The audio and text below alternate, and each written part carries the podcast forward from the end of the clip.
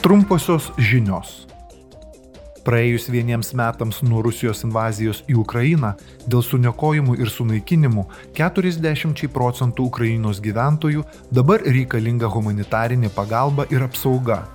Šiandien vystimosi komitetas rengia diskusiją dėl humanitarinių karo padarinių.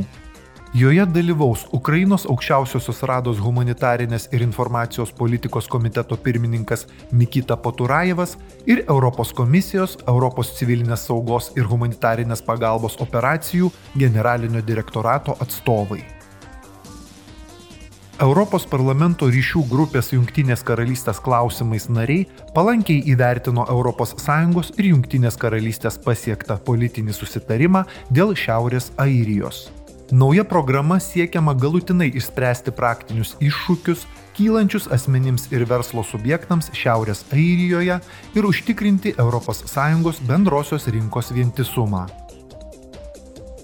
Artėjant Tarptautiniai moters dienai kovo 8-ąją, Moterų teisų ir lyčių lygybės komitetas šiandien susitinka su ES nacionalinių parlamentų nariais aptarti energijos nepritekliaus lyčių aspektų.